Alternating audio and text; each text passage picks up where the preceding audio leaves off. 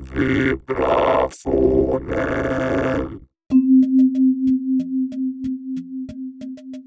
Varmt välkomna till Vibrafonen Podcast, avsnitt 1. Jag heter Mattias Oskarsson och det här är min musik och kulturpodd. I somras, alltså 2021, så träffade jag Peter Bryngelsson, mest känd som gitarrist i band som Ragnarök, Kung Tung, Urban Turban, men även andra band som Astroturf, Triangulus med flera. Han har skrivit musik till teater och film och har släppt ett antal soloalbum under åren. Peter Bryngensson är inte bara musiker utan även författare, föreläsare och en stor trädgårdsentusiast. En mångsysslare helt enkelt, med många strängar på sin lyra, både bildligt och bokstavligen. Han är född i Vetlanda 1955 och uppväxt i Kalmar där han bildade Ragnarök 1972 tillsammans med Henrik och Staffan Strindberg.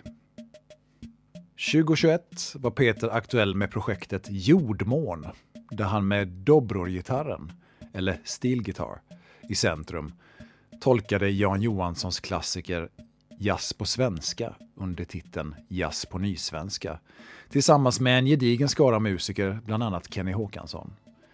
Det är en blandning av svensk folkmusik, arabiskt, indiskt, klezmer och blues.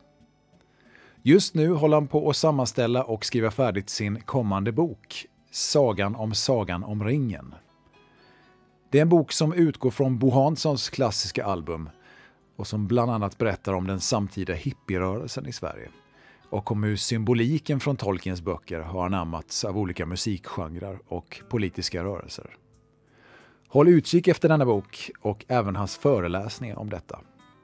Peter har skrivit ett antal böcker som främst är musikrelaterade. Till exempel Det omusikaliska. Filmmusik, Det komponerade miraklet. Tystnader. Och Peter Green, världens sorgsnaste gitarrhjälte.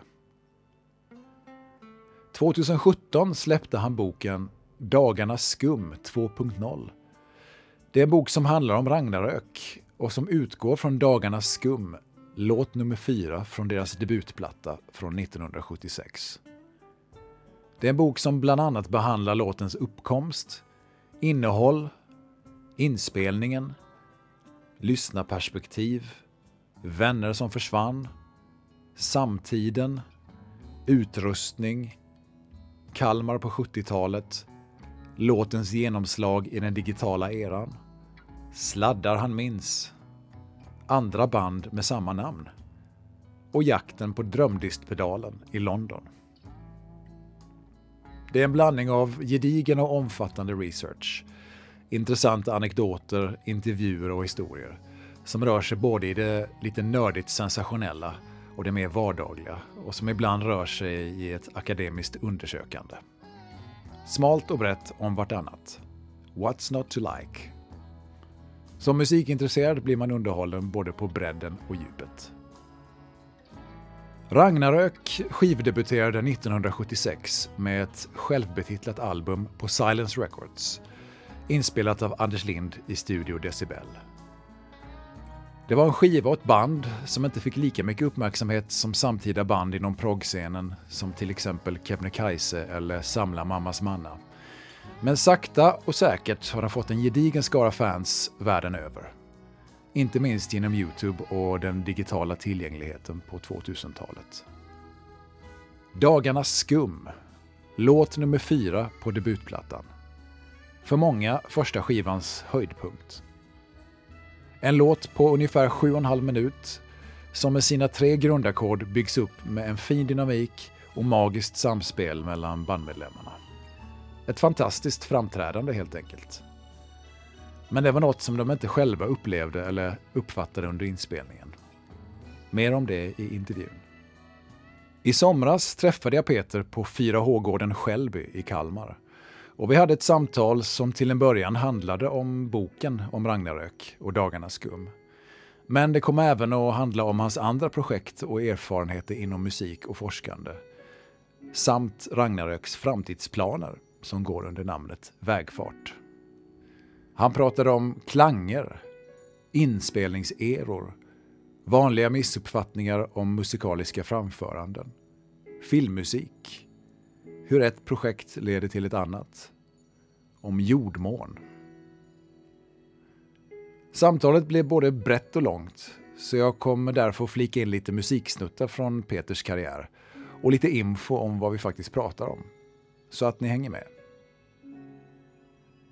För mig har Peter Bryngesson blivit en person vars tankar om musik är lika intressanta som den musik han gör. Under ungefär två timmar fick jag vad som kändes lite som en privat föreläsning. Lyxigt. Jag började med att fråga var inspirationen till en så pass omfattande och speciell bok kom ifrån.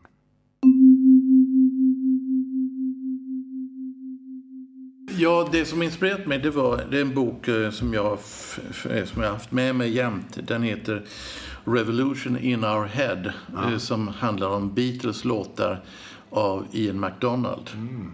Och då är den sådär att den, den djupdyker dels i detaljer liksom Ringo tappar en tamburin mm. 1.42 in i låten Help eller sådär. Mm, mm. Och så samtidigt brådstörtande djup i Eric Clapton träffar Patty Boyd under While My Guitar Gently Weeps och mm. bakom ryggen på George Harrison och så vidare.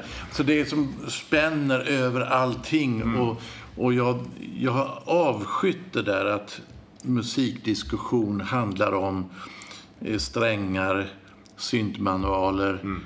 Det kan det göra också. Eh, men jag, jag anser att valet av strängar eller strängtjocklek kan ha liksom, eh, konsekvenser i liksom valet i Egypten eller någonting sånt där. Det kan ha...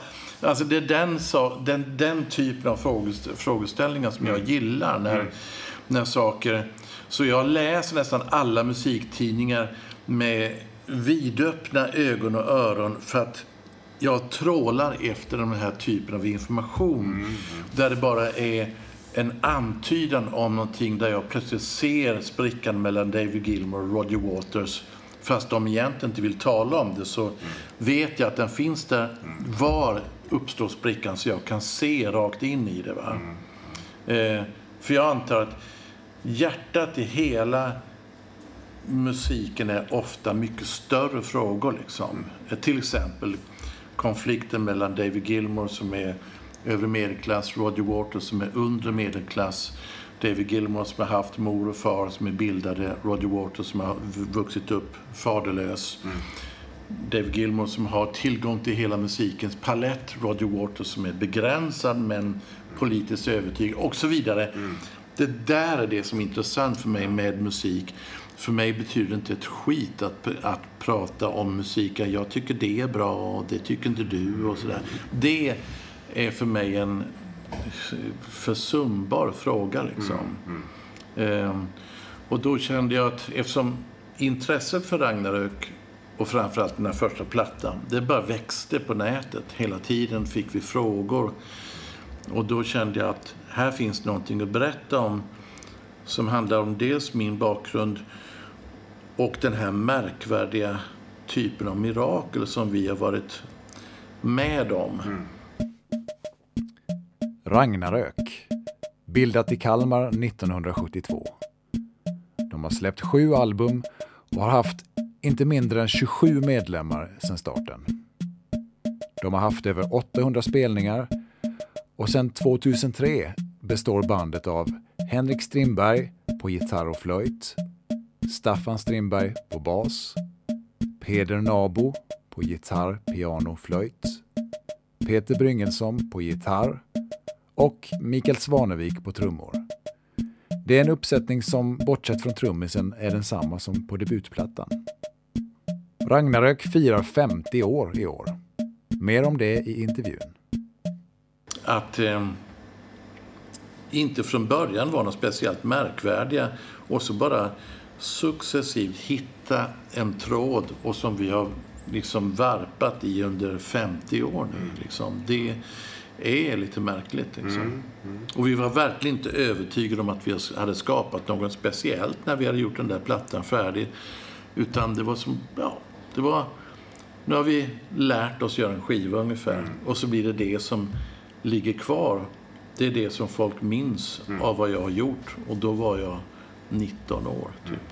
Hur, hur eh, känns det att bli starkt, mest starkt förknippad med det första du Nej, men släppte? det, det, det som delar jag med...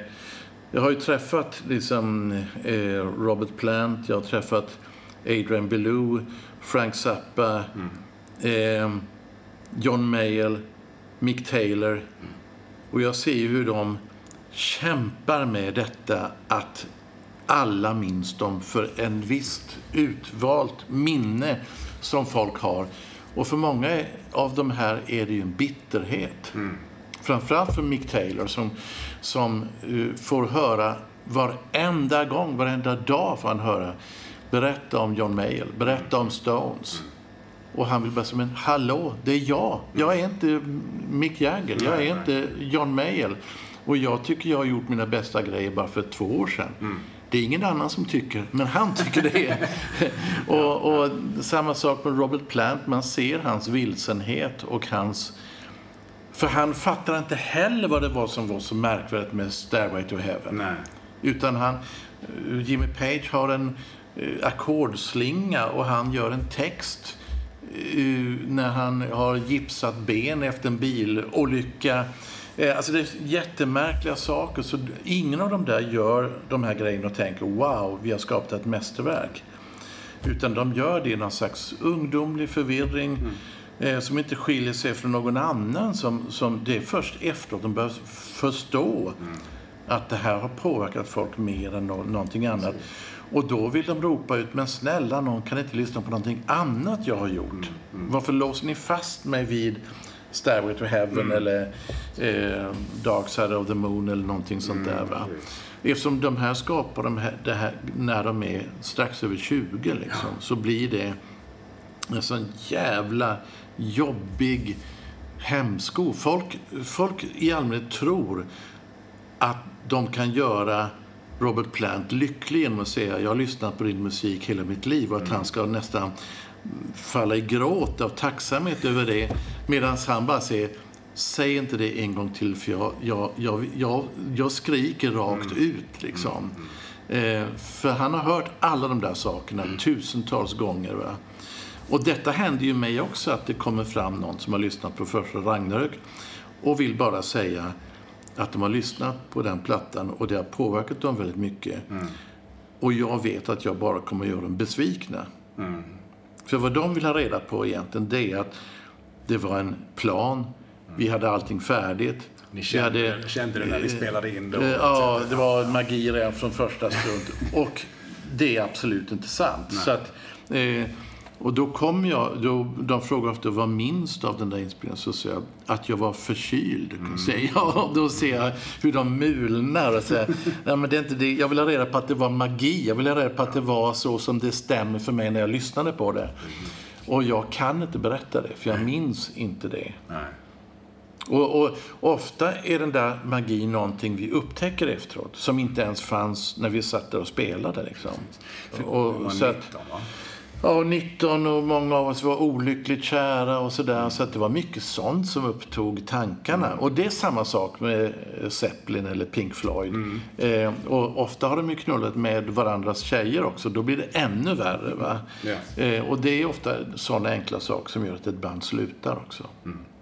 Ja, det är rätt klassiskt. Ja, det är det. eh, och, och, så att det stämmer så jävla... Alltså, och man kan förstå också när man, jag läste om någon snubbe som eh, stod i en helt vanlig jeansbutik i New York och Bruce Springsteen kommer in för att köpa ett par Levi's.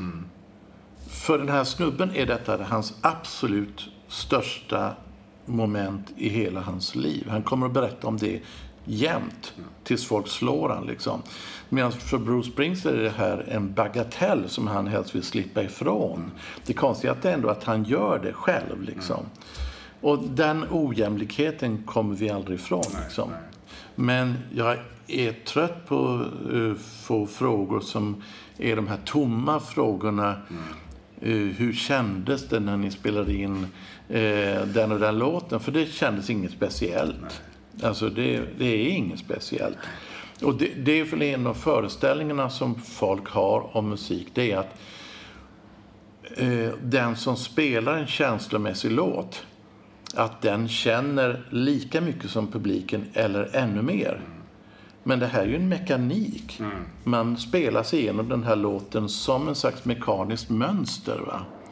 Och, och då har man lärt sig att det betyder vissa saker för en publik. Och det blir också mekanik. Till och med tårar på scenen eller, eller så blir en, en nästan en teknik. Liksom. Mm. Så att den här musikern som står på scenen, det kan man vara garanterad, de kan definitivt lika mycket tänka på vad de ska handla imorgon medan de sjunger en, en eh, väldigt känslomässig mm. låt. Eh, så att musik är märkligt på det sättet. Va? För det är inte alls det här att eh, om den här låten uttrycker så mycket, då måste det betyda att den här musikern känner otroligt mycket. Mm. Ja, så det, är det inte. Det är en rätt stor missuppfattning. Ja.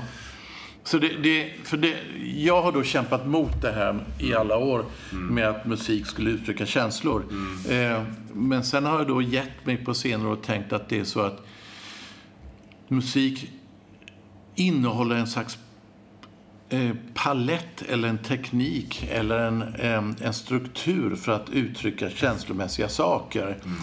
Och den går att till viss del träna in.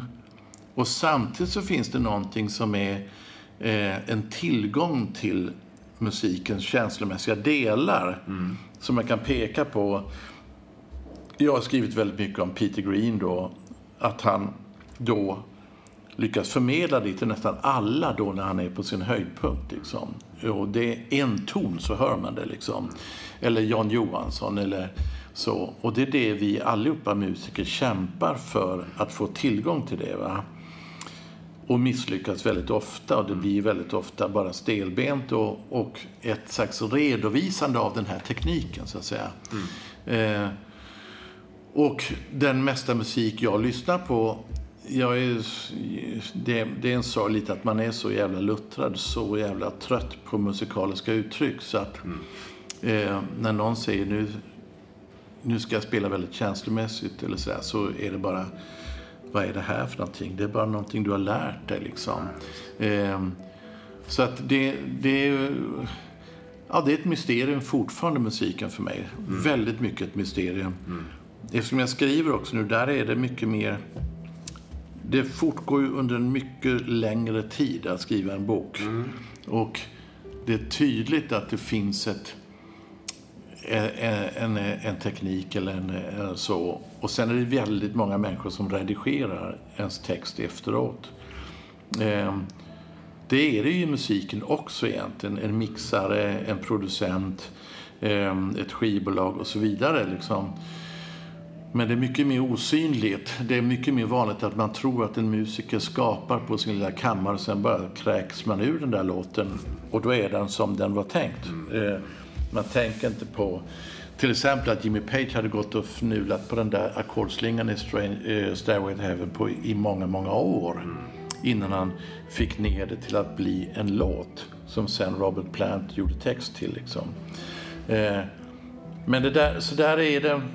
Man kan bara se Beatles liksom mirakel att under åtta år göra den ena efter den andra ja och experimentera och, och eh, innovera musiken och samtidigt göra pärlor. Mm. Där de till och med ibland försöker göra dåligt material och inte lyckas med det. Det är liksom så, mm. mm. det, det, är liksom ett, ett supermirakel. Va? Mm.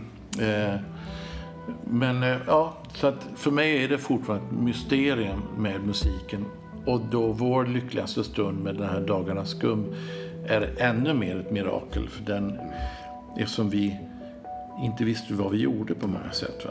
Och det är ingenting som eh, ni tragglade fram utan det fick växa naturligt under soundchecks och ja. under turnéer? Nej, det var inte soundchecks utan det var, eh, vi började varje spelning live med att jamma på, ja, på de här ja. ackorden. Mm. Mm. Och då växte låten, låtens innehåll. Va? Så att till slut var vi framme vid där det gick att börja tänka, så nu spelar vi in det. Liksom. Mm. Och då spelade vi exakt det vi hade gjort live. Liksom.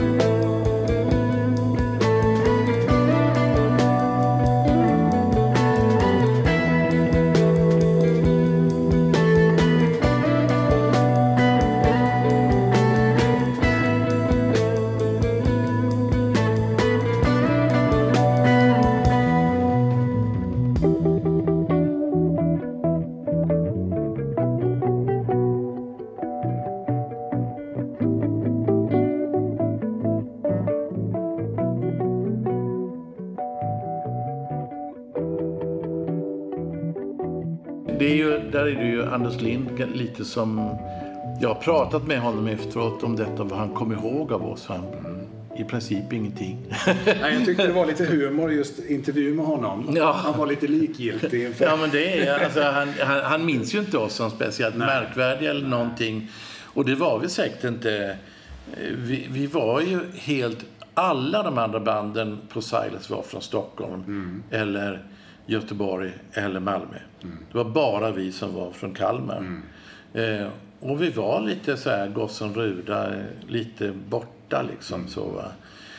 Vi knarkade inte speciellt mycket och vi drack inte ens vin. Vi var så renlevnads... Inte för att vi valde utan bara för att det var så. Eh, och, och vi kunde inte speciellt mycket om det. Och samtidigt så skapade vi det här miraklet utan att vi förstod det själva. Liksom. Och Silence förstod ju heller inte det. Verkligen Men inte. ändå så gav de ut det. Ja, men det var ju med ett villkor som jag skriver om där att det, efter halva som det, det här kommer ju ingen, ni kommer ju ingen vart och sådär. Och då skärpte vi till oss. Vi sparkade vår gamla trummis mitt i processen. Tog in en trummis som hette LP Sörensson härifrån som vi visste kunde spela trummor verkligen. Och då kommer de låtarna Promenader och Fabriksfunky till som är mycket mer ett kompetent band som spelar. De behövdes på något sätt för att då kunde man låta de här svävande låtarna få vara. Liksom. Eh, men de behövdes verkligen för att stärka hela uttrycket. Liksom. Eh, och, och då kan, under den där processen hittade vi på något sätt, vi hade pratat så mycket om att hitta ett eget språk. Och där gjorde vi det på något sätt. Va? Och det märkte vi inte heller. Nej. Så det är som så mycket... Och jag kommer ihåg att Henrik och jag träffades fyra år efteråt och tyckte det var en konstig platta vi gav ut det där. Den väldigt splittrad och sådär. Det var först när, när folk började höra av sig från hela världen om att det här måste ni berätta om eller eh, ja, de frågade oss om ljud och sånt där. Och vi för att, men vad är det här liksom? Så. Sen började vi spela ihop igen. Och då hittar vi varandra igen på kanske ett helt annat sätt och mycket mer godkännande sätt än vi gjorde då. Liksom. Och det var eh, 2000, Pat-skivan då, ja, 2006? va? 2006. Men vi hade börjat spela live redan 2003, 2004. Ja, okej. Mm. Eh, och då spelade vi ihop med Ture och med Janne Hammarlund också och, och sådär. Så det var en jävla process. Sen ska jag säga att Ragnarök fortsatte ju efter 78, då första gruppen tog slut. Då var det jag som ledde det ända fram till 84 och det var ju som en process hela tiden att försöka, vad ska vi behålla i det här? För då hade ju Älgarnas trädgård flyttat till Kalmar, flera av dem. Dan Söderqvist, Kjell Karlgren och eh, eh, Bertil Breife. Och eh, så började vi spela till andra plattan med Dan Söderqvist. Och jag spelade bas väldigt mycket. Liksom. Ja, ja. Och då var jag med i Cosmic Overdose också som blev öppningen till Twice a Man. Så. Men, eh, och det hade redan Kung Tung blivit et etablerat liksom, där jag fick spela det jag egentligen kan. Och det är Ja, och det tog väl fart mycket snabbare för Kung Tung än vad det Ja, det gjorde det ju. Det kanske Eh, aldrig egentligen tagit riktig fart för Ragnarök förrän den här... Nej, Eh, men det var det att alltså, eh, Kung Tung fanns i två år innan det tog fart. Va? Men då var det mer som ett happening. Alltså, vi roades omåttligt av att man kunde verkligen provocera folk då. Så att det såg vi till. Vi var inte ens ett band knappast. Vi liksom eh, krossade radioapparater på scen, visade porrfilm upp och ner. Vi råkade hälla ut en hel gryta vita bönor i Bengt Svens gitarrfodral och så vidare. Det var bara liksom, vad kan vi hitta på den här gången? Kung Tung bildades i Kalmar 1974. Ett mer bluesorienterat band med satiriska texter på svenska. De skivdebuterade 1978 med Det är ett kort liv, det är våra liv. De var aktiva under ungefär fem år och återuppstod en sväng 2013. För att ställa till så mycket oreda som möjligt. Liksom. Och det gick verkligen att göra. Och sen hittade jag Thomas Stålberg, då, som han hette Svensson på den tiden, att han var en bra låtskrivare. Och då hittade sin form och så blev vi ett bra band sen också med Seke på bas och Vigge på trummor. Och från och med den stunden så tog det inte lång tid. Då var det, jag tror vi bildade det bandet 76 och redan 76 på sommaren hade vi spelat på P3 och var korade till det mest löftesrika bandet och sådär. Så det, då gick det snabbt liksom. Eh, och sen gick det snabbt att sluta också. Ja. ja, det var inte så lång, långvarigt. Nej, eh, tre år typ. Liksom. Precis. Eh, men det, det som var så härligt där, det var att vi verkligen spelade det vi kunde. Vigge och Uffe och jag, vi kunde ju våra The Who, eh, Mountain och sånt. Så när vi lekte runt med det där så hörde man verkligen, det här är några som kan den där grejen liksom. Så våran version av Summertime Blues, den leker ju mellan Eddie Cochran, The Who, eh, Blue Oyster Cult och sådär. Och vi visar verkligen, det här kan vi. Eh, kom inte och snacka med oss om detta liksom. Så när vi spelade ute och hela de där andra hårdrocksbanden, Nynningen, Motljud var och tittade så märkte de att ja, de här kan det här liksom. Så vi hade en säkerhet i det som inte Ragnarök hade, Nej, alls hade. Säkerhet vad vi ville göra och så länge det kunde vara så. Mm. Liksom. Så det var att vi skulle vara det mest dragiga bandet i hela Sverige. Liksom. Vi skulle spela byxorna av Kalle Bedal och, och sådana. Liksom. Och det gjorde vi verkligen. Fast vi hade inte egentligen utrustningen för det. Va? Vi hade små Music Man som gick på fullt. Liksom. Och det var ju gott på ett sätt, men vi skulle ha skaffat oss mer power eh, ut så här Ja. för att kunna vara så tunga som vi ville vara. Liksom. Eh, för på den tiden, jag tror det bara hördes cymbaler från liksom, trummorna. Eh, Ja, precis. och, och, och sångaren fick vara här uppe och spelar man ett solo då hade man ett litet gap på 2% som inte var fyllt. Liksom. Där uppe skulle man klia för fullt. Alltså det var utmattande spelningar med det som Kung Tung. Men präglade också, jag tänker, hur ni utvecklades. Man Ja, var tvungen att hitta sin frekvens i, i det där. ja för fan. Och, och det var liksom... Eh, men jag kommer ihåg att jag var trött fysiskt i fingrar och så. Av att, och jag hade en wah-pedal så om man stampade den i botten då, då trängde den igenom det här cymbalskramlet och alltihop det här. Så att man kunde göra sig hörd liksom. Eh, och, och det hör ju även, till exempel Humble Pie på den liveplattan på Fillmore East. Då är det ett band. Sen de, när de gör, gör om det två år efteråt, då är det ett mycket mer kompetent och sammansvetsat band. Va? Så att jag tror att många av de här banden utvecklas med tiden till att egentligen bli skickligare.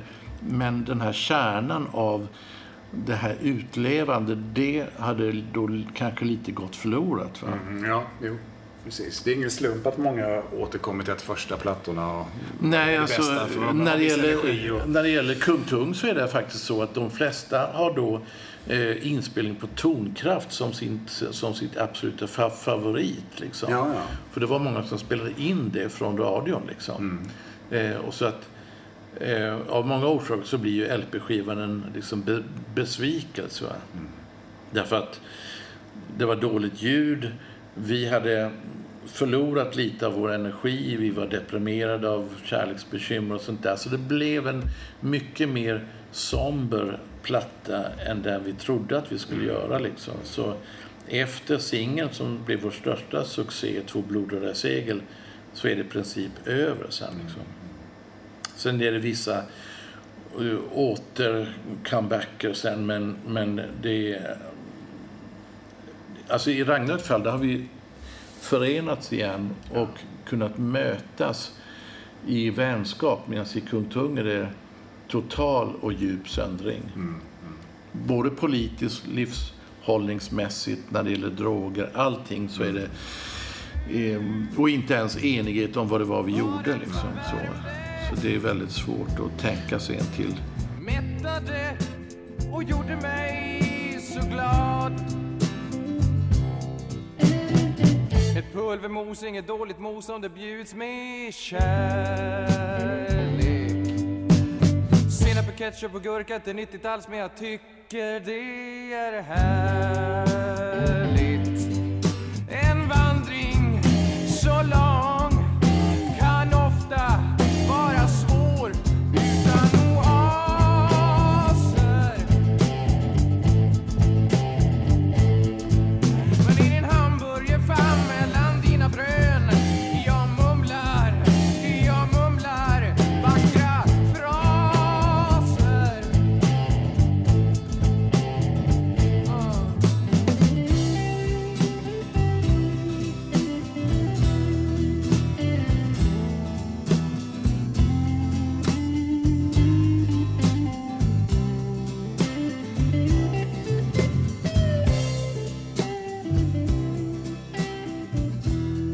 första Ragnarök som fanns innan första plattan, vi var ju väldigt mycket, vi var tvungna att hitta ett eget spår som inte var bluesrock då. Så då hittade vi, vi härmade väldigt mycket Made in, Made in Sweden. Så vi spelade Mercy Mercy och, och Peter Gunn och Sombrero Sam.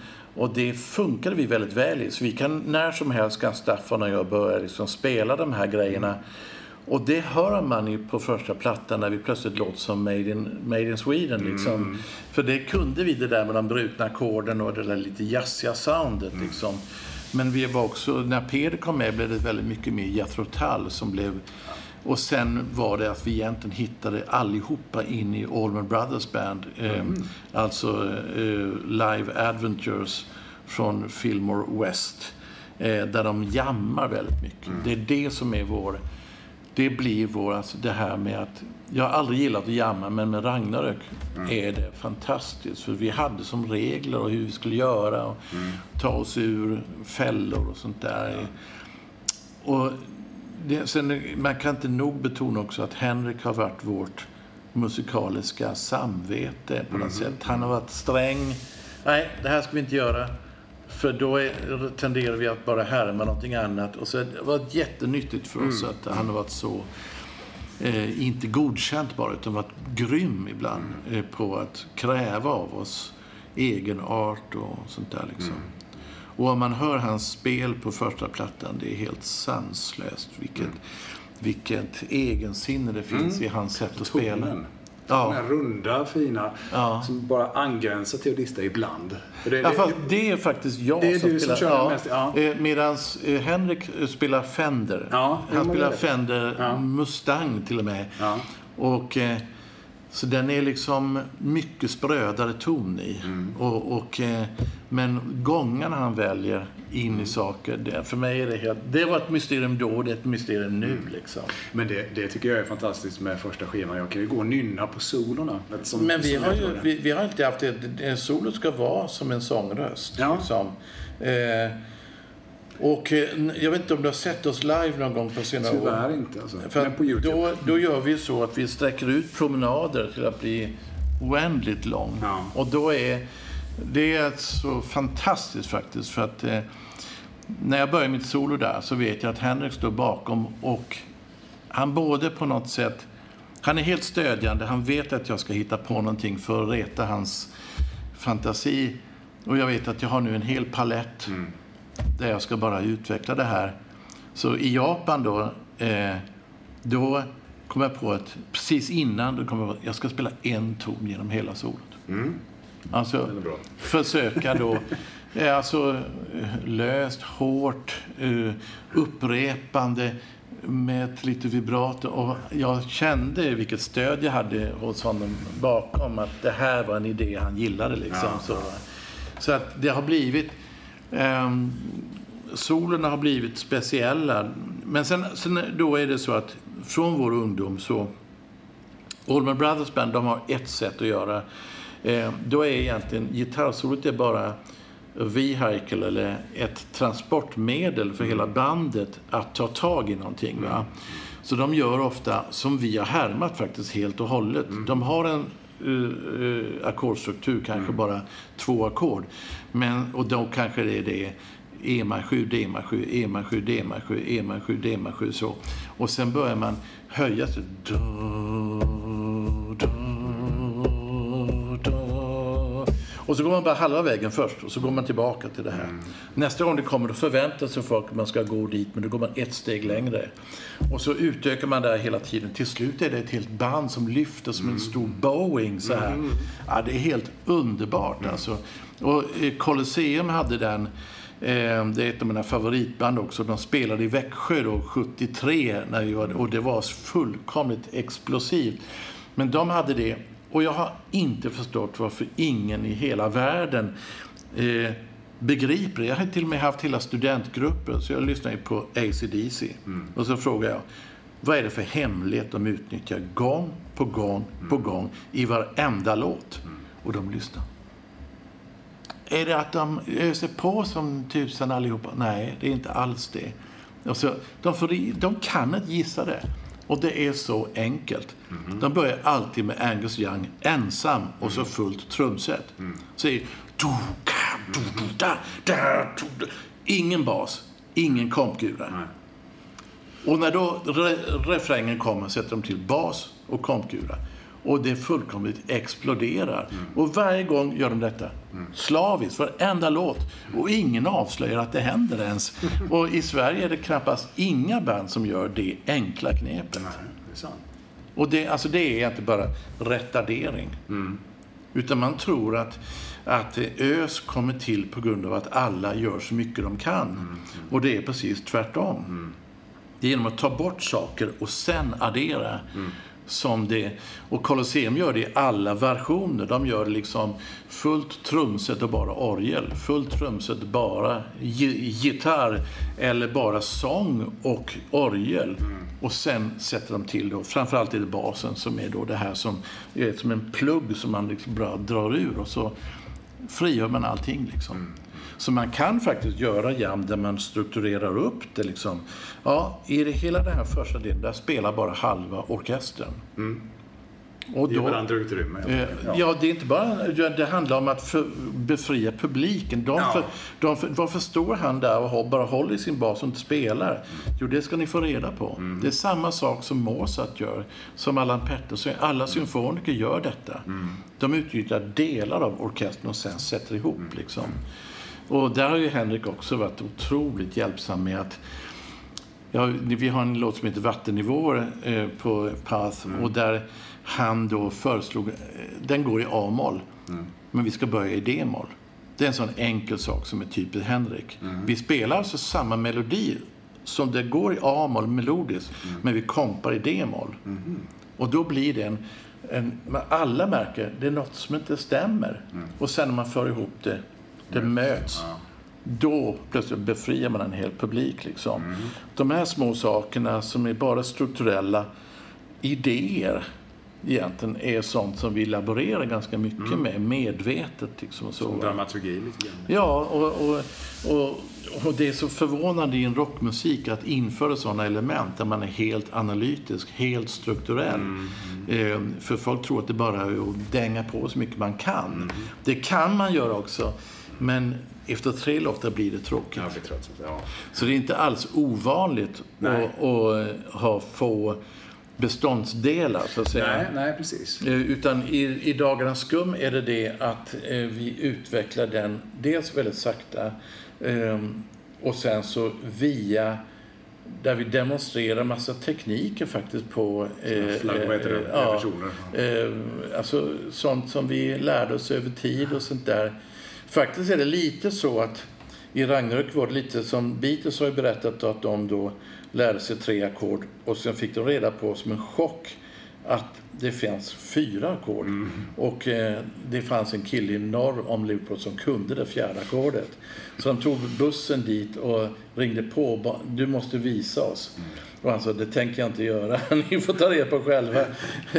och och det, det säger någonting om att de inte visste då att det fanns hur många ackord som helst till. Ja, ja. Men i Ragnarök var det verkligen så att när vi var ute då fick vi reda på då och då eh, vissa typer av gitarrtekniker liksom som, aha, det här kan vi prova eh, själva. Ibland ledde det inte någon vart. Eh, vissa saker som, det finns ett ackord där man tar egentligen till ett vanligt A-dur men med en H-bas. Eh, och det låter superavancerat. Man känner igen, wow, det här är Mahavishnu Orkester eller någonting. Och sådär. Eh, och det provade vi jättemycket, höll på med det där. Eh, och, och eh, Dagarnas skum är ju en sån grej där man bara har ett ackord, sen förflyttar man det men har kvar samma bastoner. Och sen kommer man in med att presentera bastonerna plötsligt efter ett tag. Och då blir det återigen en sån där förlösning. Jaha, det var så här det skulle vara egentligen. Va? Eh, så, Ja, men det är ju en bedrift, tycker jag. Att, jag menar, sen långa låtar är ju inget konstigt inom... Nu, Nej. säger, nu säger jag prog, men du förstår vad jag menar. Men det är väl, Men- mer, det just är väl att- mer det att, det att det är så lugnt och sakta Ja. blir ett innehåll i det. Eh, och eh, våra solon är då... Ja, det är som sångmelodi på något sätt. Mm. Liksom. Och det var nog det vi hade i tankarna. Att verkligen blicka inåt och försöka känna efter hur vi skulle få det här utan att det blir uppvisning, så att säga. Och sen hur det trappas upp. Jag tänker crescendot kommer någonstans efter fyra minuter. Ja. För mig åtminstone. Eh, Och när pianot börjar komma och sen så kommer era Gitarrstämmor, harmoniserande. ja. Och det också leder till någonting jag funderat på. När jag lyssnar på skivan i hörlurar. Mm. Så känns, alltså gitarren är ju helt själv, eh, uppenbart panorerad ut. Mm. Men trummorna känns som att de är mixade i mitten. Även cymbalerna för att det är ju... Jo, Det är du någonting- får tänka på att det här var alltså inspelat med åtta kanaler. Ja, precis. Eh, det fanns så att inte... det var en, en bedrift att mixa det hela. Va? Eh, så att ehm, det gick till som på gamla filminspelningar. så att då visste man då att eftersom åtta kanaler så fyra kanaler upptas av trummorna Mm. i mitten.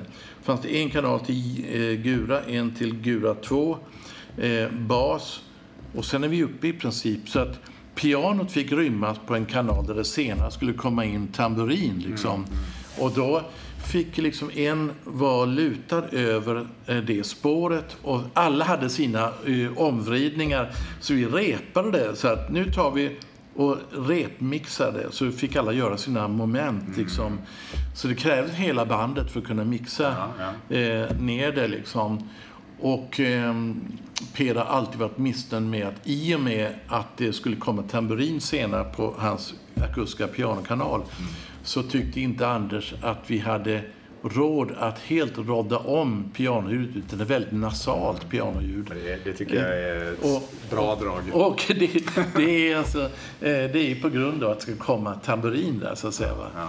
Så att det var ju, man kan säga, första Ragnarök är inspelat med 8 kanal, eh, nästa är inspelat med 16 kanal och så tredje är med 32. Just det. Och sen, så jag har gått igenom hela den här tekniska skalan av, eh, det hette, hette det DAT-band? A-DAT och- A-DAT, ja. ja, Och eh, sen spelade vi in på VHS-kassetter ett tag, för det gav bäst ljud. Just det. Och sen kom det här med, det var i takt med Urban Turbans första platta, då var det ju, ehm, eller det var egentligen på mina första två solplattor, då presenterades det här med samplers. Och att spela in ehm, mot clicktrack hela tiden. Och det innebar att man kunde byta ut alla ljud och sånt där. Va? Eh, så, och sen på AstroTurfs platta, där gick vi tillbaka till som man spelade in från början med ett helt band i studion. Ja, Eh, och sen nu sista jordmån, då spelar jag in hemma i, i mitt vardagsrum Jaha. in på min Mac. Och sen skickar man det till alla musiker via, via mail. Liksom. Mm, Så det, det har verkligen varit en lång resa tekniskt sett Mm. också. Och det tänker jag om- om man jämför första plattan med de kommande sen en bit in på 80-talet eh, och även när jag lyssnar på dina sologrejer. Produktionen, att man, man hör verkligen, om man, lyssnar, om man jämför till exempel första Ragnarök-skivan med Via-plattan Ja, så det, hör man verkligen de olika erorna i ljudproduktion. Ja, och men det, det är ju också så att Sverige har saknat bra producenter. Alltså Anders Burman var en sån, eh, men Anders Lind var inte det egentligen. Utan han hade förmågan att kunna vara på rätt ställe på, på, i, i rätt tid och fånga upp Bosse Hansson, Kebnekaise och sådär. Men alla som har sett Kebnekaise live från den tiden vet ju att på skiva låter de ju fjärt jämfört med hur de lät live. Samma sak med Samla mammas manna. Medan Ragnarök tjänade på den ljudbilden, den ganska fjösiga... Snustorra. Eh, ja.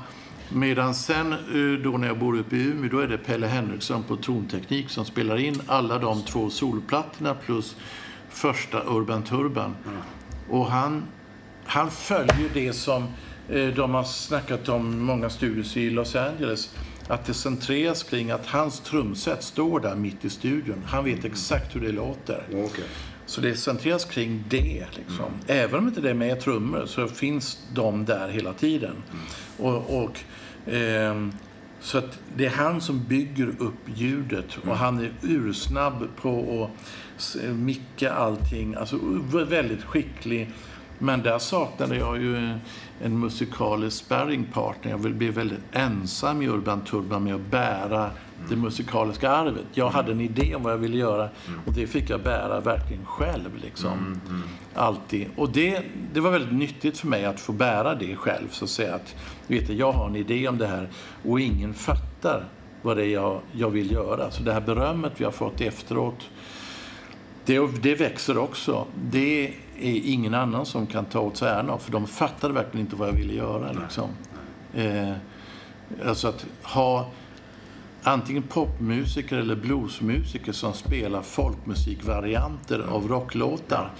Eh, och de, men varför använder du inte folkmusiker? Absolut inte. Det får inte vara såna polska typer, utan det ska vara rock'n'rollers som liksom attackerar en SAS med, som man attackerar en, liksom, eh, en metalgura. Liksom. Så ska det vara. intressant, ju. Brutalt. Liksom, sådär. Och, och det där fick jag, och Pelle var inte bättre på det heller utan han fattade inte vad jag ville göra verkligen. Det, det skulle inte han hålla med om men jag vet tillfällen då vi har drabbat samman kring det och han har verkligen demonstrerat hur lite han har fattat av idén.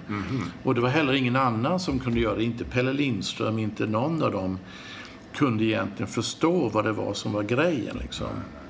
Var det svårt att njuta av det, att vara ute och spela där? Och när du, du Nej, det, var, axla? det, det, det, ska jag säga, Urban Turban är väl den mest framgångsrika grej som jag har spelat med. Och där vi fick skörda de framgångarna medan vi Ja. var ett väldigt bra band. Liksom. Eh, och det har gått upp och ner i olika vågor dessutom. Och varje projekt har i princip landat i något väldigt bra. Liksom. Så att jag, kan, jag, jag har fått väldigt mycket cred för Urban Turban. Och, eh, det är väl lite sorgligt, kanske den platta jag tycker är bäst, det är, det är den som inte alls är spridd och som inte alls är Nej. känd. Alltså, den som heter Codes of Love. Det är den bästa tycker jag. Liksom. Eh, Men det, det är ett sånt man inte kan styra över. Det är Nej, också den första plattan alla pratar om. Liksom. Eh, och möjligen den sista kanske med hon eh, persiska sångerskan och sådär. Liksom. Så det har varit så mycket turer. Jag, jag har lärt mig mycket av alla de här projekten. Mm. Och ett tag var ju de här solplattorna, den andra, det är ju liksom 19 musiker som jag ska arrangera över. Och väldigt mycket symfonimusiker, Mm. Erfarna jazzmusiker som verkligen vet vad musik är. Och så ska jag styra över dem ungefär då var jag ofta 12 år yngre än många av de här. Så när jag spelar med Björn- Jison Lind, då är han 12-13 år äldre än mig. Peter har gjort tre soloplattor i eget namn. Senast den utmärkta plattan Wunderbaum från 2011. Under 80-talet gjorde han två plattor med Triangulus, där bland annat Björn Jison Lind medverkade på den första, 1985. Jag skulle fråga om Triangulus. Ja, Hur det, hur det kom att bli för att, eh, var väl 84 om jag 84 börjar vi ja. började och det var det egentligen Ragnarök plus Björn va? Nej, Eller? ja, det, det började som en sån eh, idé. Alltså, Då var det Måns Rosander som ju bodde här då. Ja. Så i utgången på Ragnarök, jag var väldigt trött på Ragnarök, väldigt mycket supande och, och eh, andra droger och sådär. Då eh, började jag umgås väldigt mycket med Måns Rosander som är en oerhört levande och idérik person. Du vet vem han är va? Är inte helt bekant. Han jobbade på Sveriges Radio då och har jobbat med det här sommarprogrammet där han lagade mat i rutan och sådär. Ja, ja, ja. Eh, och eh, han ställde väldigt många viktiga frågor till mig och han var ju bästa kompis med Björn Jison Lind. Så det var så jag träffade Jison. Och eh, så blev det väl som en idé att vi skulle, för vi gjorde eh, en spelning med Jison och Ragnarök tror jag. Och sen så blir det uppenbart att vi inte kunde hålla ihop Ragnarök. Så mitt i plattan så skiljs jag från Ragnarök i princip. Under ganska stor bitterhet måste jag säga. Jison träffar ju egentligen ingen av de andra musikerna utan han, det är han och jag själva som är och, och då är redan bakgrunderna klara. Så att, ja för han var inte med i komponerandet av nej, av inte alls. Nej. Utan han var så alkoholiserad också. Så att han hade i princip med sig en väska med en 70 eh, i botten, digitaleko och flöjten. Och sen stänkte han i sig den på kvällarna innan och så gick upp visslande nästa dag och spelade fantastiskt. Och jag skulle hänga med på det när jag är då typ 23-24. Det var ingen lek alltså.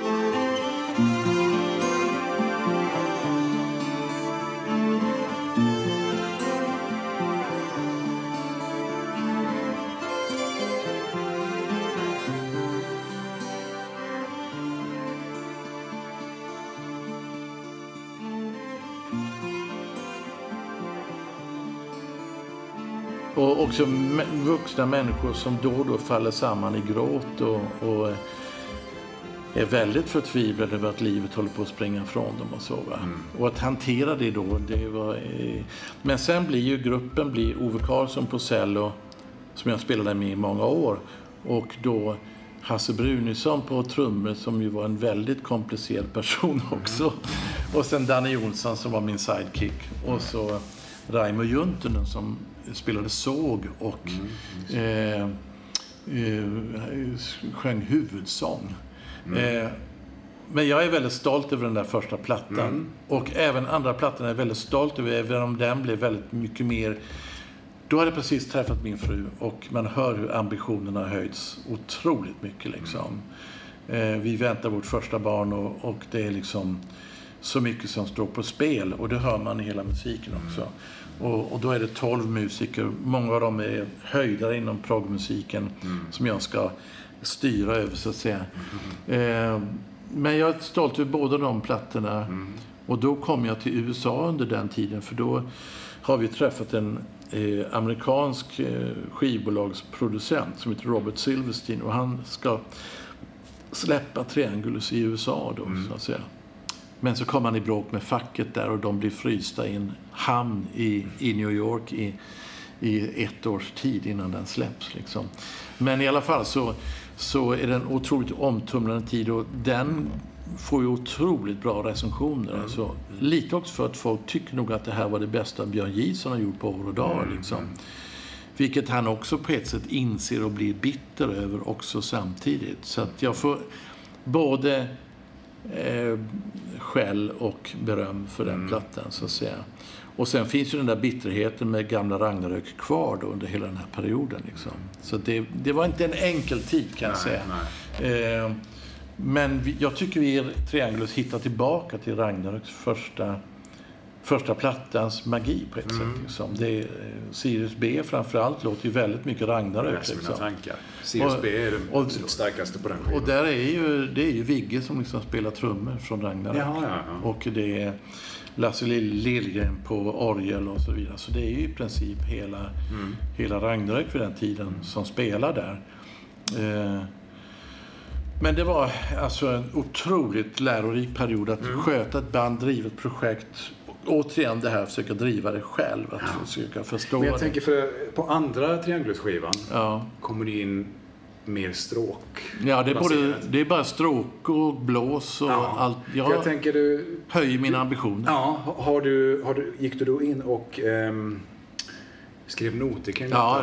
Ja, jo, du, har, du hade den kunskapen eller fick du Ja, jag, jag, jag gick på kompositionskurs för Henrik bland annat i, i Ragnarök och för flera andra och hade mina egna idéer. Och på VIA där är det ju väldigt mycket stråkar. Det är sym, sym, sym, Så jag hade ju lite ambition att öka mina insatser så att säga. Eh, och på den andra soloplattan eh, Lyckliga stjärnor, där är det ju ett jättestort band. Med, mm, där har jag skrivit hela partitur och så. Liksom. Och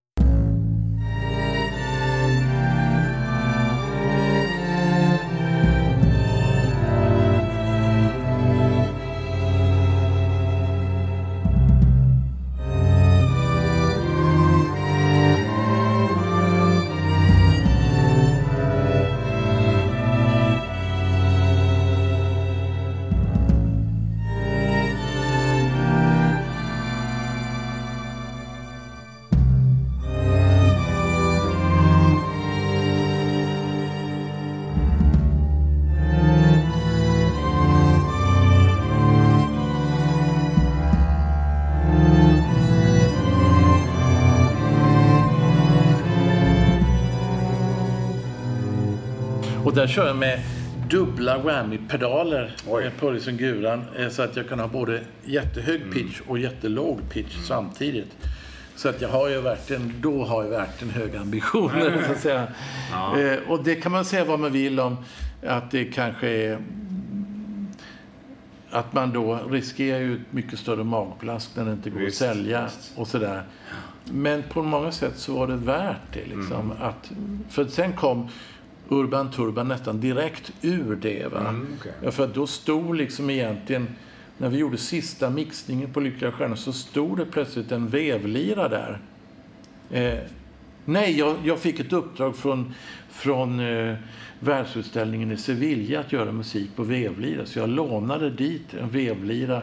Så jag skulle kombinera att mixa färdigt Lyckliga Stjärna och göra musik på vevlira för världsutställningen i Sevilla.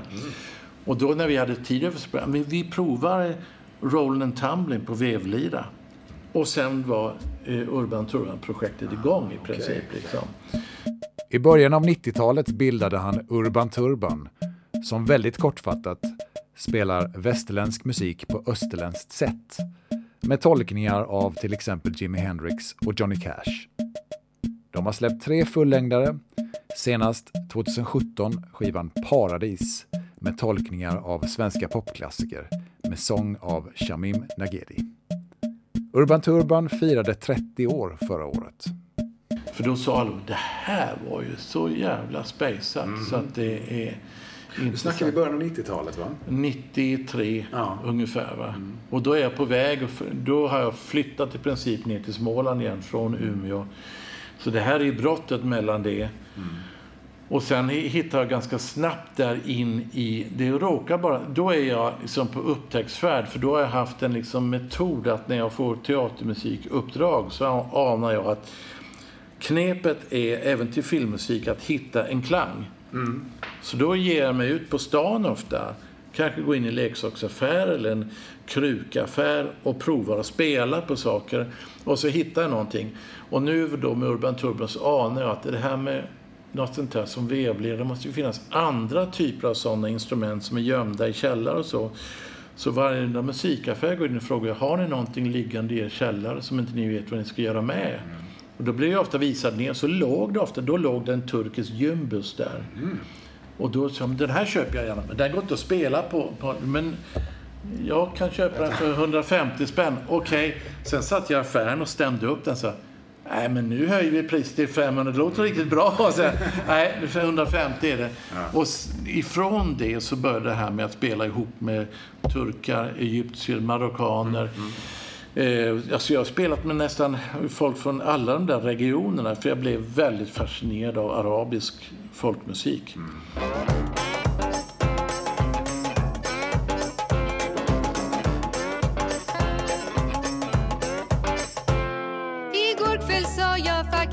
faktiskt till tjejerna när de skulle ha ett party.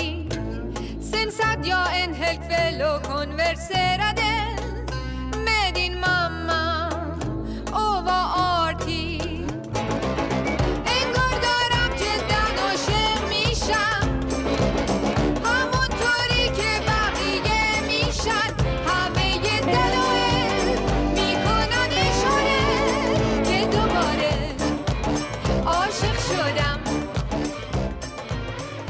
Så sen har det...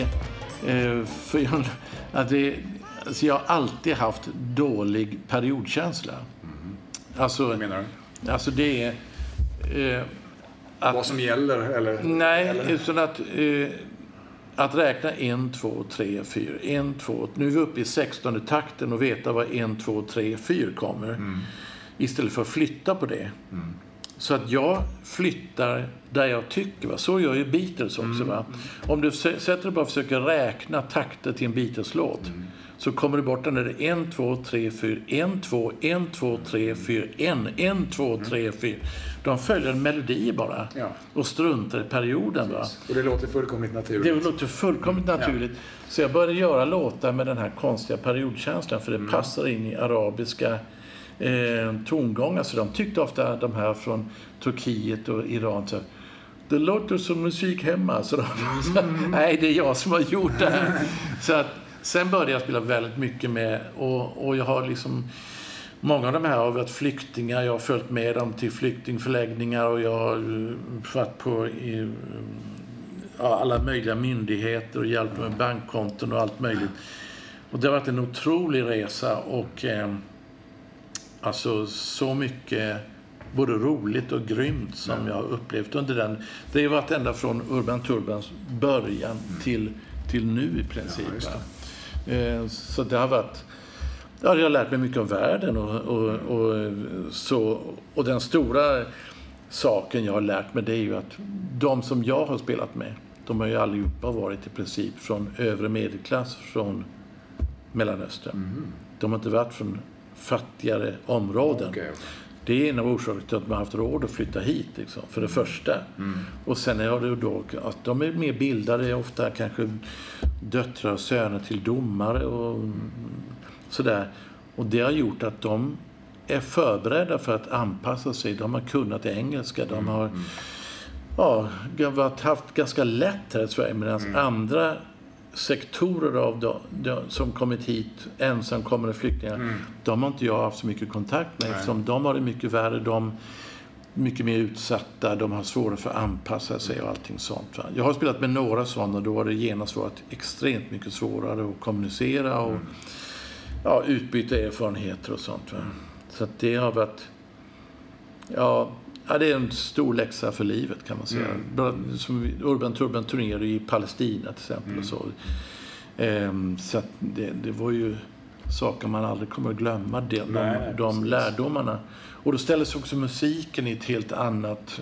Det var inte bara vi. Liksom, det var vad kan musiken göra för andra människor? Så där, liksom, så. Just det. Nu följer lite snack om filmmusik och musik i krig. Jag vet att du har ett filmmusikintresse och har skrivit om det. Eh, dess funktion i film och så vidare. Ja. Men, eh, och jag har jag lyssnar mycket på filmmusik från eh, 60-talet. Det är Mm. Morricone, Christopher Comeda och Bruno Nicolai, Armando Travaglioli, Mm. John Barry. Jag hör lite sånt. Inslag på Wunderbaum-skivan i synnerhet. Mm. Är det någonting som du har med dig, eh, den eran av filmmusik? Jo, det, det är det ju. Alltså det, eh, filmmusiken, eh, nu framförallt i de omusikaliska sk- så liksom skriver jag om filmmusik igen. Va? För då har jag kommit på något sätt till vägs ände och förstått att filmmusik är ju en väldigt märklig genre. Va? För att boken De omusikaliska utgår ifrån att vad vi förutsätter med alla människor det är att de förstår musik. Och då säger man förstår musik, inte vilken musik. Men jag möter ju jätteofta människor som säger till mig jag förstår inte din musik alls. Jag förstår inte vad du håller på med. Det låter bara som oljud för mig. Eh, eller de lyssnar på första Ragnarök och säger varför låter det så mesigt? Varför, varför kan det inte ta i för? Alltså människor som ställer sig helt frågan inför det som jag tycker då är självklart. Eller som skulle säga samma sak om Pink Floyd eller är Beatles. Och förstår inte alls det där. Jag gillar Thorleifs och så. Så musik är inget allmängiltigt. Det är bara struntprat. Så att prata mu- musikalitet är jättekonstigt. För att det är helt olika vad man tycker om, hur man uppfattar musiken. Så det, om du säger att jag uppfattar det här som sorgset kan någon annan säga nej, jag uppfattar det som glatt. Och så. Och då, min stötesten är ju blues då, som ofta går i dur. men man solar i moll. Eh, och det antas uttrycka sorg, men man kan höra väldigt mycket glädje och kraft hos de här Howling Wolf och de där eh, eh, da, da, da, da, da, I was born. Det är inte alls någon sorg. Det är liksom wow vad mycket kraft jag kan höra här. Så det stämmer inte liksom. Eh, och, och eh, framförallt det där med dur och moll stämmer inte alls. Det är bara struntprat. Va? Och eh, då blir filmmusik jättekonstigt. För det är en filmregissör som har gjort en film och som vill att alla ska få samma uppfattning om filmen. Och då ska de välja musik till det här och undvika att folk säger jag gillar inte den här musiken. Jag tycker om filmen men musiken tycker jag är rent strunt. Det konstiga är att när det gäller filmmusik kan folk acceptera nästan vad som helst. Även om man sen skulle spela upp den musiken för dem efteråt. Lyssna på den här musiken och säga det här tycker jag verkligen inte om. Ja, det var musiken till den filmen du just har sa- sett och, och sagt dig gilla. Och då bevisar det en sak. De hör inte filmmusiken. Nej. Alls. Så fyller den sin riktiga funktion på något sätt. Ja, den är en del, det är nästan som ett eh, kameraobjektiv eller någonting. Så den är inte ens till för att höras. Mer än öppningslåten och slutlåten kanske. Där är den hörbar. Sen finns det ju många s- såna här öronsnäckor som inte är så. Va? Men det finns massor av folk som inte gillar Morricone och som inte gillar Bernard Herrmann och sådär. Men eh, så filmmusik är en musik som inte är att betrakta som musik i vanlig bemärkelse, utan det är någonting annat. En organism i filmen på något sätt. Va? Och det innebär att den mesta musiken man gör när man gör filmmusik är bara tomma ackord. Som inte innehåller några musikaliska element alls nästan. Bara låter... Och då märker man, wow, det där funkar riktigt bra. Men det är ju trots allt bara att jag som trycker med ett pekfinger på en synttangent. Och det funkade bättre än det jag gjort för stor symfoniorkester. Det. Och det är också ett annat mysterium då. Va? Den här musiken är inte till för att ens tillfredsställa vanliga musikaliska eh, mått. Utan den är bara till för att få bilderna att leva. Så att jag brukar säga att musiken animerar det vi ser i bild. Det är som att den ritar en, en till kontur runt det som rör sig i bild. Och det blir för många helt eh, liksom, utmanande. Men behöver den animeras? Ja, tydligen behöver den. Eh, vi- Alltså, det, man behöver rikta sin uppmärksamhet mot olika saker i bilden. Och det gör musiken. Och det, det, sen en annan sak som är myten är att det skulle ha varit, funnits en urtid då det fanns väldigt lite filmmusik och sen har det utvecklats till mer och mer filmmusik. Det är också bara struntprat. Utan det är snarare mindre filmmusik nu än det var förr. Alltså under en tid på 30-talet var det ju musik i en film, Robin Hood eller eh, Captain Blood. Då är det musik hela tiden, konstant. Liksom. Det är bara folk, folk hör det inte. De tror att det är bara film. Det är sant. Så det kommer upp alltså eh, minst tre gånger per år kommer det upprörd insändare i någon stor tidning. De säger det måste slutas med all denna bakgrundsmusik i alla filmer. Så var det inte när jag var ung. Jo, det var det. Det var bara att du har glömt det och du hörde inte det. Eh, och du störde dig inte på det. Idag är du gammal och dina öron har svårare för att rensa och det gör att du hör det och irriterar dig på det. Ja, ja. Så det är så mycket som är ställs på sin ända med filmmusik. Liksom. Och eh, det, det finns eh, då är till exempel Morricone då, och de här westernfilmerna är liksom, de är mycket bättre än filmerna. Så är det ju. Definitivt. Ja, och, och ändå kan han också misslyckas kapitalt. Liksom. Så att det, ja, det, det finns, alltså det här är ju ett, egentligen ett jätteämne då. Och Jag har gillat då att amerikanerna har tagit det på allvar och gjort det till en akademisk gren, så att säga. Mycket med hjälp av fransmannen Michel Chion som jag har skrivit en hel del om. Eh, som delar upp hela, hela hörandet i filmen i olika sektorer, så att säga. Det är det jag skriver väldigt mycket om också. Eh, och då, då, då är en av hans grundteser att vi, vi så att säga, att man gör en film och allting som ingår i den filmen ingår i filmteamet så att säga. Och i filmarbetet. musiken gör det inte. Nej. Den är helt utanför. Va? Så att, eh, då kallar man det för icke-diegetisk musik. Och det är en musik som inte ingår i den filmiska verkligheten. Så att det, kan vara Dracula kommer hem efter att ha varit ute och sugit blod en hel natt kommer in och ska lägga sig i sin kista och så hör vi stråkar från hela London Symphony Orchestra. Det är liksom... Mel, Mel Brooks har gjort flera poänger av det där. Ja. Vem är det som spelar liksom? Och då, då så sitter verkligen London Symphony Orchestra Ja, ja, där. Och, och så man, man får se, det här finns en re relevans till det här. Varför vi, och, och, eh, så det, frågan nu, hur kan en hel publik gå med på Mm. att inte ställa den här frågan, var kommer det här ifrån? Precis. Och det blir så konstigt att vi har gått med på den jättelustiga överenskommelsen. Ja. Liksom. Eh, så, att, ja, så, så det är mycket av det jag har skrivit om. Och, Ja. och, och ur det kom den här boken om musik i krig. För där är ju ännu mer så att, att vi inte förstår att varenda krig som har utkämpats har utkämpats till massor av musik. Och bra musik. Allt Inte- från att höja moralen till att tortera, antar jag. Va? Ja, dels det och sen så dölja skriken från döende människor. ja, ja. Men framför allt för att kunna styra en liksom bataljon med människor som ska gå framåt eh, de som försvarar. Kunna Mm. styra hur mycket man ska svänga på 10 000 man. Stanna, Mm. avlasta sina gevär, backa, återsamlas. Allt styrs med mu- musikaliska signaler. Mm. Därför att det, ingen kan ropa på ett, på ett liksom slagfält. Nej, just det. Det hörs inte mer än 20 meter bort. Sen är det för färdigt. Så enda sättet utan walkie-talkie, det är att ha musik. Okej. Och det är höga frekvenser som hörs rakt genom stridsmullret. Som, som kanonen är... Så ligger de mitt i stridsmullret. Liksom. Men du har, har, eh, har du något, vad är senaste exemplet som du hittade när man har gjort det i världen? I Ja, Bosnienkriget var ju fullt av liksom musik. Ja. Men då var det ju från... De utkämpade kriget mycket åkande i privata bilar med bilstereon på. Och där var det så här eh, serbisk eurodisco på liksom. Eh, och och det Irakkriget och alla de här krigen har utkämpats med massor av musik.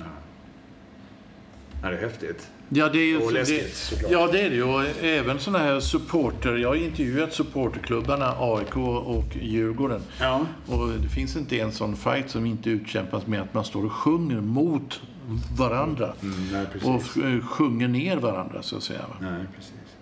Du, sku, eh, du, får, du får säga till eh, Mm. när du behöver dra. Och, och är det så att det blir läge att ses igen så gör jag jättegärna. Ja. Ska säga Eh, vi, vi, vi pratade lite om Urban Turban Mm. och det här med dina influenser. Du har fått både kanske varit lyssna men också mötena med musiker från andra delar av världen. Ja. Eh, nu tänker jag på ditt senaste projekt, då, Jordmån. ja. och hur du slash ni har tolkat, nytolkat Jan Johanssons klassiska Alltså, det- det, det- finns väl någon ja. form av beröringspunkt eh, med hur du, hur du tänkte i Urban Turban? Ja, det gör det ju. Eh, Men det börjar egentligen med att i slutet av Urban Turban så börjar jag spela väldigt mycket dobro, eller slido. Eh, Och det finns en naturlig svårighet i det som jag gillade. Det är att man durstämmer alltid en dobro. Så den blir ett rakt durackord. Eh, Och då passar det jättebra att spela blues till eller country. För det, de ligger så i raka durackord så. Och jag tröttnade på det redan efter ett halvår så var det urtröttsamt. Liksom. Och då passar det väldigt bra att spela arabisk musik i det därför att det spelas också ofta i dur. Tvärtom mot vad folk tror så spelas den mesta arabiska musiken går i dur men betonar den, eh, den ton som ligger strax över grundtonen så att i E så blir det F. Och då durtonen till E blir molltonen till F. Så det låter som att det vore moll fast det är det. dur. Va? Ja, Eh, och sen började jag då tänka att det svåraste som finns vore att spela John Johanssons låtar på dobro därför att de, går, de växlar mellan dur och moll hela tiden. Så man kan inte stämma bara moll utan man måste ha dur och sen speltekniskt komma ner till moll. Va? Så började jag spela bara och det tog ett jävla tag att repa in det. Att få till de här eh, låtarna så att säga. Ja. Eh, och det blev en resa in i en värld som jag bara älskade att, eh, att utforska så att säga. Sen började jag spela det där live med några musiker och så blev det bara mer och mer och sen så kom pandemin som en gåva i, i detta liksom. Därför att det gjorde att vi inte kunde spela in en skiva i en vanlig studio, vilket jag nu inser var den stora fördelen. Och dessutom blev alla musiker lediga, så jag kunde ta kontakt med Kenny Håkansson som satt lika ensam och utan jobb som alla andra. Och frågade ville vara med. Ja, det kan jag väl vara. Och sen så fick jag med en sällsynt samling musiker på det här projektet. Och jag bara kunde spela in själv och sen skicka det. Och så fick Kenny typ göra vad han ville. Och så kunde jag sen bara redigera det, så att säga. Och, och det har ju öppnat upp hans och mitt, eh, så att säga. Att jag har ju stalkat honom i nästan 48 år. Eh, eh, och nu har vi spelat ihop så jag vet så mycket mer vad han är för en. Och Ja. Det är väldigt kul alltså. Så att, ja, det har varit jätteroligt det här projektet. Eh, s- som har lärt mig väldigt mycket. Liksom. Men-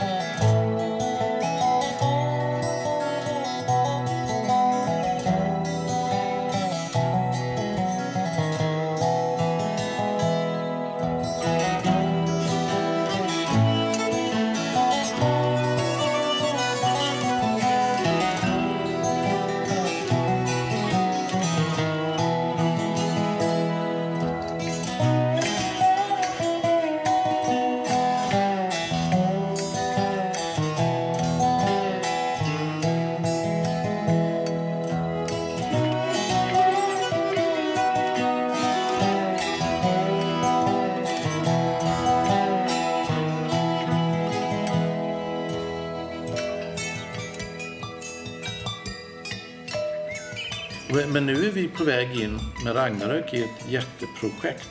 Jaha, berätta. som heter Vägfart. Ehm, jag kan skicka dig en av de låtarna som är till det. Eh, alltså det, det är Kalmar kommun som har sagt ja till det projektet. Det ska vara en musikalisk och ljudmässig skildring av ett vägavsnitt i glesbygden runt Kalmar. Det låter som du. Ja, så att, eh, och då eh, ska vi nu ha en seminarievecka, alla i Ragnarök, i slutet av augusti. Då vi ska göra låtar under en utmätt tid. Och spela in då och sen ska vi genomföra projektet på vårt 50-års i under vårt 50-årsår eh, 2022. Vi träffades alltså första gången 1972 eh, på Öland. Eh, då var Ragnarök var hälften av vad de värsta narkomanerna i Kalmar 1972, till och med langaren. Och sen var resten eh, Henrik och jag, Staffan och Lise som sjöng då. Eh, och vi träffades under en veckas tid och repade där. Och sen spelade vi en första gång. Och sen spelade vi en till gång på Funka på ungdomsgård med narkomanerna. Och sen fick de sparken. Eh, för att de, de hade köpt amfetamin för allting som vi skulle köpa in grejer för. Så att de gjorde ju ingenting som vi hade kommit överens om. Utan, Nej, för nej. de var mitt inne i ett amfetaminrus. Liksom. Så att... Eh, sen blev det Henrik och jag, Staffan och Lise och sen Peder. Och sen Micke på trummor och sen Vigge och så vidare. Så att eh, det var en väldigt dramatisk början där egentligen. Och nu då är det 50 år sedan precis. Nästa eh, augusti. Vad ska det mynna ut i? Skiva, konsert? Det ska nog bara bli det eh, konsert, film, bok, utställning. Troligen. Kanske. Vi vet inte än. Vi ska definiera det under den här veckan. Det är inte hemligt på något sätt? Detta. Nej, det är inte hemligt, men vi kan inte säga vad det blir exakt Nej, nu. nej. Utan det får vi liksom verka fram. Va? Ehm, men vi börjar ju nu Ja, och sen exakt, så ja. är det ett år i princip. Liksom. Ehm, ja, så dels det och så Jordmån ska ut på turné då. Och det Just är ju det. första gången på eh, ja, jättelänge som vi åker ut. Så.